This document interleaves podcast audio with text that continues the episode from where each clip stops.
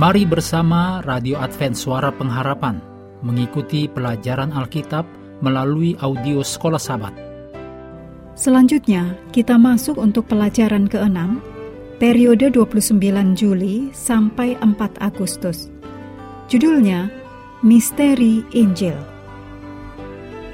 Untuk sahabat petang, Anda boleh membaca ayat-ayat berikut ini untuk menolong pelajaran sepanjang pekan.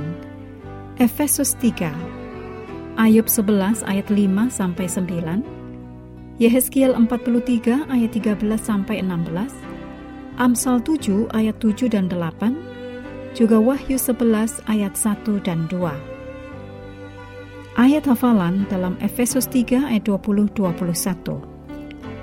Bagi dialah yang dapat melakukan jauh lebih banyak daripada yang kita doakan atau pikirkan, seperti yang ternyata dari kuasa yang bekerja di dalam kita bagi dialah kemuliaan di dalam jemaat dan di dalam Kristus Yesus turun-temurun sampai selama-lamanya. Amin.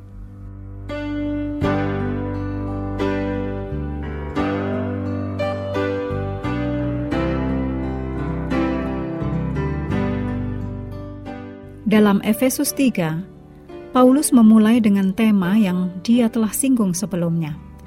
Di dalam Efesus 3 ayat 6 dituliskan, bahwa orang-orang bukan Yahudi karena berita Injil turut menjadi ahli-ahli waris dan anggota-anggota tubuh dan peserta dalam janji yang diberikan dalam Kristus Yesus.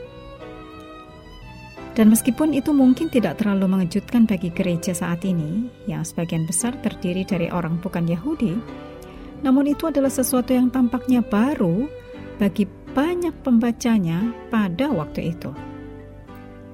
Paulus kemudian melanjutkan kata-kata yang diilhami ketika Rasul merefleksikan semangatnya untuk mengkhotbahkan Injil Yesus kepada orang-orang bukan Israel. Kita juga belajar tentang kesulitan Paulus dalam memperluas pelayanan itu, termasuk kesulitan saat dia di dalam penjara Romawi. Dan kita juga mendengar komitmen Paulus terhadap rahasia di jantung Injil, misteri bahwa di gereja orang bukan Yahudi sejajar dengan saudara-saudari Yahudi mereka. Kita mengalami kegembiraan Paulus bagi gereja dan misinya pada alam semesta. Kita mendengarkan saat Paulus berdoa, memuji Tuhan karena mengungkapkan kasih karunia-Nya melalui gereja. Singkatnya, kita diilhami untuk bergabung dengan Paulus dalam hasratnya bagi Injil.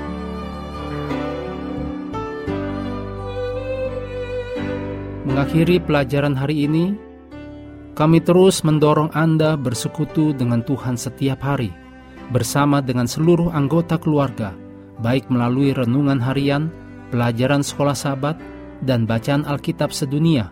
Percayalah kepada nabi-nabinya yang untuk hari ini melanjutkan dari Mazmur 84. Tuhan memberkati kita semua.